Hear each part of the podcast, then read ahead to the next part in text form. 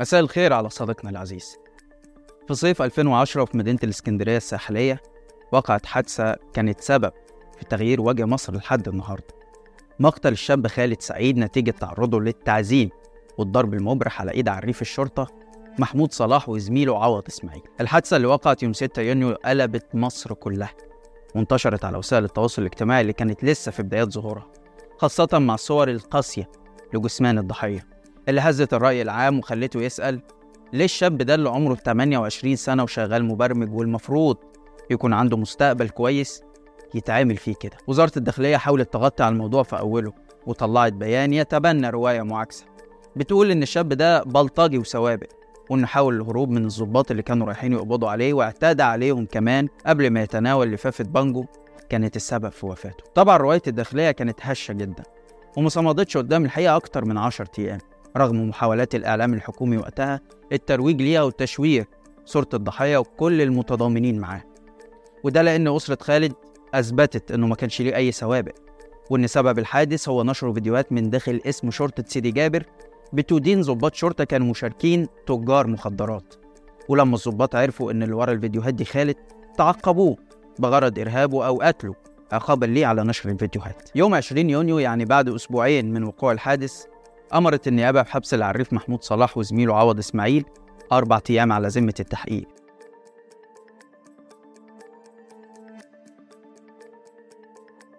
اتمسك في أربع قضايا سرقات وحيازه سلاح وتعرض لأنثى وإنه مطلوب لتنفيذ حكم بالحبس في قضيتين. قضيتين إيه؟ جنح سرقات وأخرى حيازة سلاح أبيض. التحقيقات بتقول إن الشاب خالد كان بيشرب مخدرات. تحقيقات النيابة بصراحة يعني تألمت جدا لما سمعت أوصاف الاعتداء والضرب اللي تم على هذا الشاب قبل ما يموت. شيء غير إنساني أنا بعتذر إذا كنت جرحت مشاعر أسرته في وقت من الأوقات. خالد اتحول لأيقونة ورمز لاضطهاد الداخلية للشعب المصري رغم إنه ما كانش أول ضحايا التعذيب ولا آخرهم. لكن خالد تحديدا أثر بشكل كبير في الطبقة الوسطى في مصر اللي شافت فيه نفسها. والكلام في النقطة دي شرحه يطول بس اختصارا ظهرت فكرة كلنا خالد سعيد. أنا وإنت ممكن وارد جدا مع توسع الداخلية في اعتماد التعذيب كوسيلة وحيدة لنزع الاعترافات وأحيانا لمجرد التسلية. وارد جدا لأي سبب تافه نلاقي مصير خالد سعيد. مظاهرات ووقفات استمرت على مدار شهور طويلة لغاية ما جه عيد الشرطة 25 يناير وقرر الشباب ينزلوا في اليوم ده يقولوا لا للتعذيب لا لانتهاكات الداخلية في حق الشعب المصري. وفي خلال أيام كانت إقسام الشرطة هدف رئيسي لملايين الغاضبين خاصة في المناطق الشعبية. اللي أهلها اكتووا على مدار سنين طويلة من سطوة وجبروت الضباط وفي اللحظة الفاصلة دي قال أحد الضباط من جهاز اللاسلكي للقائد بتاعه الشعب ركب يا باشا. في الأيام دي الضباط كانوا بيخافوا يظهروا هويتهم وبقوا يتجنبوا لبس الميري في الشارع. وكتير منهم انسحب من الخدمة أو قعد في بيته لشهور طويلة رغبة منهم في إذلال المصريين. وعلى أمل إن الشعب يروح يترجاهم عشان يرجعوا تاني للشارع ويرفعهم فوق كتافه ويهتف ليهم الشعب في خدمة الشرطة. وللأسف جرت الأمور كما خطط لها. ناس كتيرة أيدت عودة الشرطة مهما كان الثمن والإعلام لعب في عقول الأغلبية وخلاهم يتجاوزوا عن الانتهاكات المتكررة. مرة تحت بند إنها أخطاء فردية ومرة تانية بتشويه الضحايا. دول تجار مخدرات دول سوابق وحبسجية. دول إخوان دول معارضين دول خونة ودول ودول ودول. تعددت المبررات والنتيجة واحدة. عودة سياسة التعذيب والقتل داخل إقسام الشرطة تحت سمع وبصر ورضا السلطة الحاكمة. اللي ادت الضوء الأخضر للظباط إنهم يرجعوا تاني يقولوا إحنا أسيادكم. وبقينا كل يوم والتاني نسمع عن حادثة يروح ضحيتها مواطنين أبرياء. حرموا من أبسط حقوقهم في العدالة والحماية. بينما المجتمع حرم هو كمان من أبسط حقوقه في المعرفة وتنفيذ القانون. ليه الشرطة رجعت تستأسد على الشعب مرة تانية؟ ويا ترى الشعب هيصبر على ده لحد إمتى؟ ده اللي هنحاول نعرفه معاكم في حلقة النهاردة بس قبل ما نبدأ يا ريت تشاركوا الحلقة مع أصحابكم ولو عايزين تدعموا المحتوى اللي إحنا بنقدمه اعملوا انتساب في القناة. أنا عبد الرحمن عمر وده برنامج إيه الحكاية؟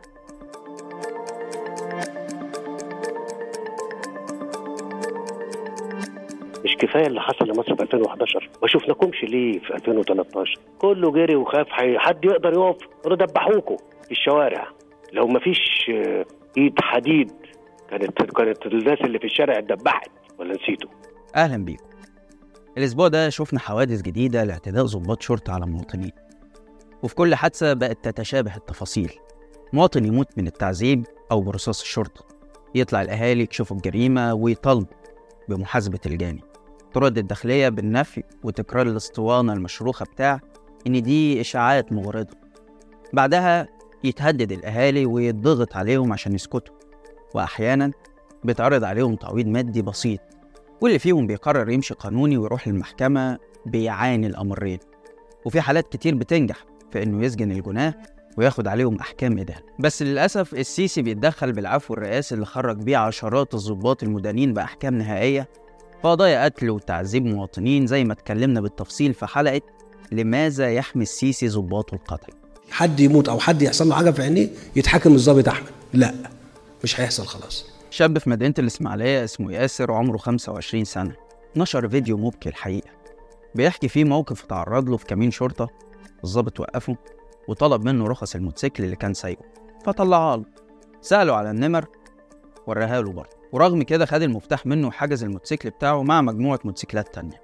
الشاب بيقول إنه وهو واقف لقى الموتوسيكلات كلها سند على الموتوسيكل بتاعه.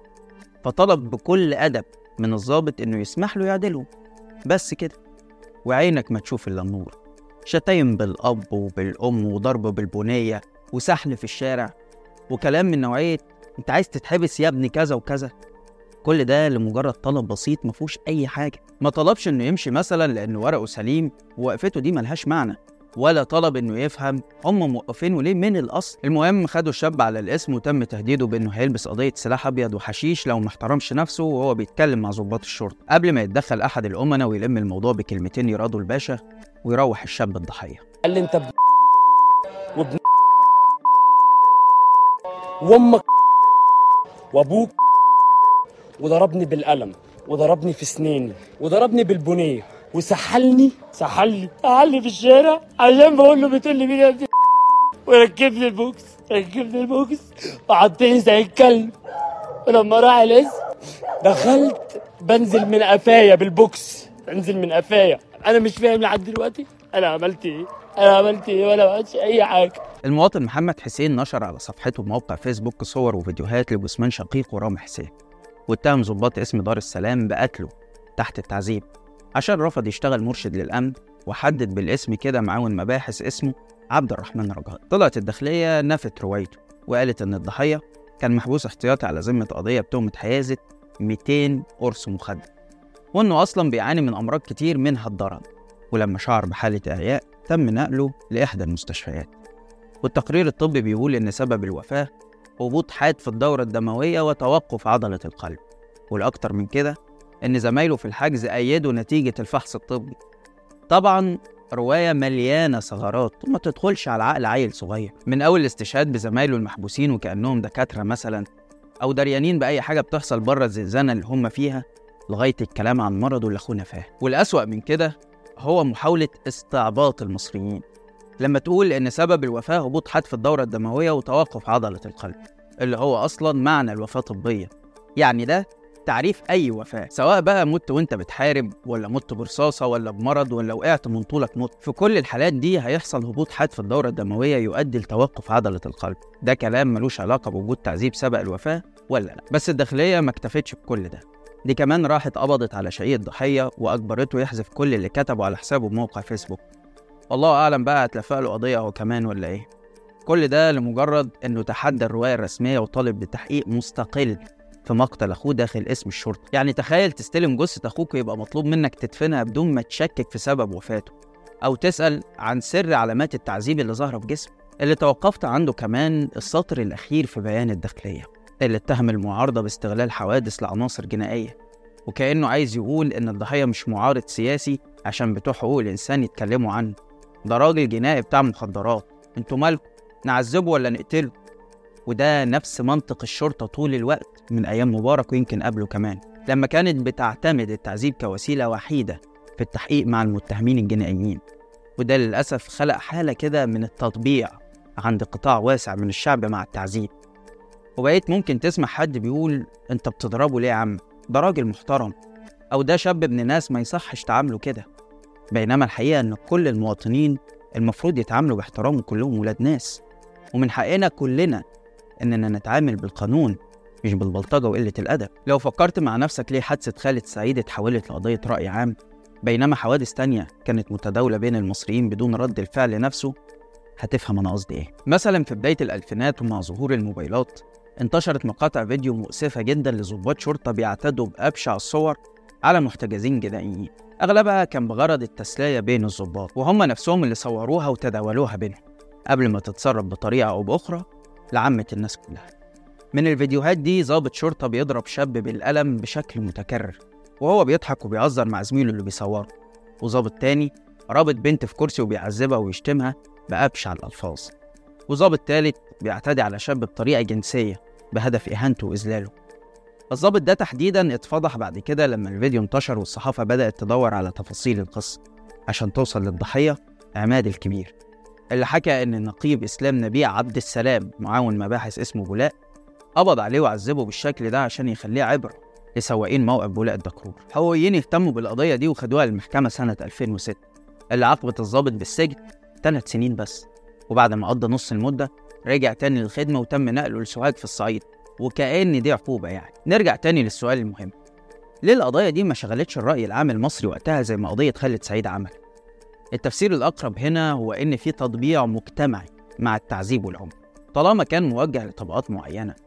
وطبعا المقصود هنا طبقة الغلابة والفقراء اللي مرتبطة في أذهان ناس كتير بمعدلات الجريمة العالية. يعني إحنا كمصريين قطاع واسع مننا ما عندوش مشكلة مع التعذيب والعنف بشكل عام ضد أي حد لأ. ناس كتير بتقبله وتبرره في بعض الحالات. ده طبعا تفسير طبقي لكنه يبدو حقيقي جدا في حالة مصر. مع بعض الملاحظات أكيد زي مثلا إن في تقبل كمان للانتهاكات دي طالما كانت في مواجهة تيارات سياسية معينة. وده الحقيقة ممكن يكون بدأ مع حرب مبارك وحبيب العدلي ضد الجماعات الإسلامية المسلحة في الثمانينات. من وقتها لغاية دلوقتي في استسهال في التعامل مع قضايا تعذيب الأفراد المنتمين للتيار الإسلامي.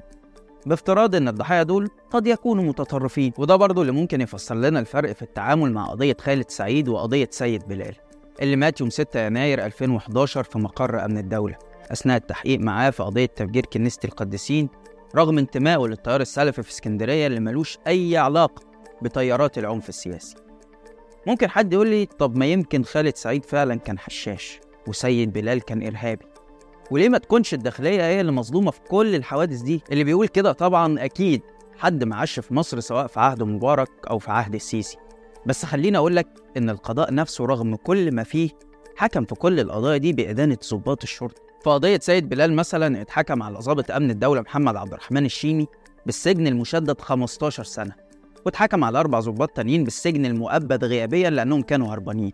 اتنين منهم سلموا نفسهم بعد كده واحد خد براءة والتاني أدين واتثبت عليه قضية خالد سعيد برضو الاتنين الظباط اللي أدينوا خدوا حكم بالسجن سبع سنين وفي النقض اتشدد لعشر سنين وغرامة مليون جنيه عليهم هم وزير الداخلية بصفر واتخفضت الغرامة مؤخرا لنص مليون جنيه. طبعا مش محتاج أقول لكم إن أسرة سيد بلال وخالد سعيد مورس ضدهم كل أشكال الضغط والترهيب والتشويه عشان يسكتوا ويتنازلوا عن حقهم. لكنهم وبمساعدة ناس كتير من حقوقيين ونشطاء ورأي عام كان بيشجع فكرة محاسبة الضباط المتجاوزين وقدروا ياخدوا بعض حقوقهم لكن النهاردة وفي ظل حكم السيسي اللي بيحمي الضباط القتلة تراجعت الثقافة دي. ورجعنا تاني لاتهام الضحايا بالإرهاب والمخدرات عشان نغطي على كل انتهاكات الضباط. ثقة كاملة ودعم كامل ولا يمكن أبدا في أي وقت إنهم يسمحوا لأي حد يرتكب جريمة ولا يحاسب. لا بلد قانون على الجميع. نفس اللي حصل في دار السلام حصل قبلها بأيام في بني مزار بمحافظة المنيا. ظابط رايح يقبض على مواطن اسمه خلف راضي بس في ظروف غامضة قتلوا برصاصتين واحدة في دماغه والتانية في دراعه الشمال. أهل الضحية تظاهروا قدام اسم الشرطة واشتبكوا مع الأمن خلال مطالبتهم بتسلم الجثمان وكمان بحق ابنهم. مش عايزين أكتر من إن الضابط اللي قتل يقف قدام القضاء ويخضع لمحاكمة عادلة. الداخلية طلعت فورا ببيان النفي المعتاد وقالت لك خلف ده كان تاجر مخدرات مطلوب في تسع قضايا وعملنا له كمين بس هو بادر بإطلاق النيران فتم التعامل معه. طبعا في المقابل أهله والمحامين بيقولوا إن الكلام ده غير صحيح وإن القضية الوحيدة اللي سبق اتهام الضحية فيها كانت قضية سلاح اتحبس فيها سنة وطلع عشان يرد المحامي بتاعه ويقول أنتوا عارفين ان السلاح عندنا في الصعيد عادي. عيلة الضحية كمان قالوا إنهم مسحوا كل الصور والفيديوهات من الإنترنت بعد ما مدير الأمن حلف لهم بنفسه على المصحف إنه هيجيب حق ابنهم. طبعا في كل حادثة من دي بيكون في روايات متعددة وأنا شخصيا مش هدف أقول إن الداخلية طول الوقت غلطانة أكيد.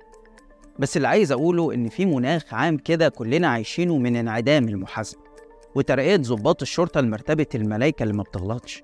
ولو غلطت فالضحايا دول يستاهلوا. أو معلش دي حوادث فردية واللي غلط هيتحاسب. بعدين تلاقي اللي غلط واتحاسب ده خد عفو رئاسي ورجع شغله معزز مكرم وكأن السلطة بتطلع لسانها للمواطن وبتقول له إحنا أسيادك. لو وقعت تحت إيدينا وقتلناك محدش هياخد مننا حق ولا باطل. وده ياخدني لحوادث الهجوم على أقسام الشرطة وقت ثورة يناير. اللي كتير من ثوار الطبقة الوسطى تبرأوا منه بدل ما يحاولوا يفهموه بشكل حقيقي بعيدا عن الشعارات والمثاليات. رغم إن أفلام سينمائية توقعت اللي حصل قبلها بسنين زي فيلم هي فوضى اللي مشهد النهاية بتاعه كان هجوم الأهالي على اسم الشرطة عشان ينتقموا من أمين الشرطة الفاسد والمجرم حاتم اللي بينتحر في الآخر. والحقيقة إنه سكان المناطق الشعبية والطبقات الدنيا في المجتمع لو جاز لنا إننا نقول عليهم كده هم أكتر ناس بتتعامل مع ضباط الشرطة ومكويين بنارهم كمان. فكتير منهم لما بتحصل لحظة زي الثورة بتكون بالنسبة له انفجار ضد كل ما يمثل قوى الشر والظلم والعدوان والجبروت. وده اللي حصل لما أهالي المناطق الشعبية هاجموا أقسام الشرطة بكل شراسة. وكانوا عارفين بالظبط مين الضباط اللي قهروهم وظلموهم على مدار سنين طويلة. وكانت بالنسبة ليهم دي لحظة الانتقام اللي مش هتتعوض. لحظة الروس فيها بتتساوى والباطل بيكون جبان وخايف من حصاد نتيجة أفعاله. عرفتوا ليه بلدكو كانت هتضيع في 2011 عرفتوا ليه بلدكو كانت هتتخرب وتضيع؟ انت انت بتتكلم كده ليه يا عم؟ أنا لن أنسى 2011 لن أنساها والمفروض يا مصريين ما تنسوهاش. في النهاية أنا مش بحرض على الوصول للحظة الانفجار دي بالعكس أنا بحذر منها. وبقول إن السكة اللي إحنا ماشيين فيها دي آخرها وحش لأن للصبر حدود. الناس ممكن تخاف مرة وتجبن مرة تعدي مرة بس في مرة واحدة ما تقدرش تتوقع رد فعلها ممكن يكون قاسي إزاي. بينما الأسلم بقى هو إننا نلجأ للقانون وهو اللي يكون حكم ما بيننا. حكم بين المواطن والشرطة بين الناس والسلطة. القانون اللي بيحدد حقوق وواجبات كل مواطن فينا سواء كان مواطن عادي أو مواطن معلق على كتفه نجوم بس كده. لحد هنا والحلقة خلصت. شارك الحلقة لو عجبتك وتابع حساب شباك وحسابي على الإنستجرام. هتلاقي اللينك في الوصف. واستنانا كل يوم اتنين وجمعة الساعة 8 بالليل بتوقيت القاهرة في حلقة جديدة من برنامج إيه الحكاية سلام.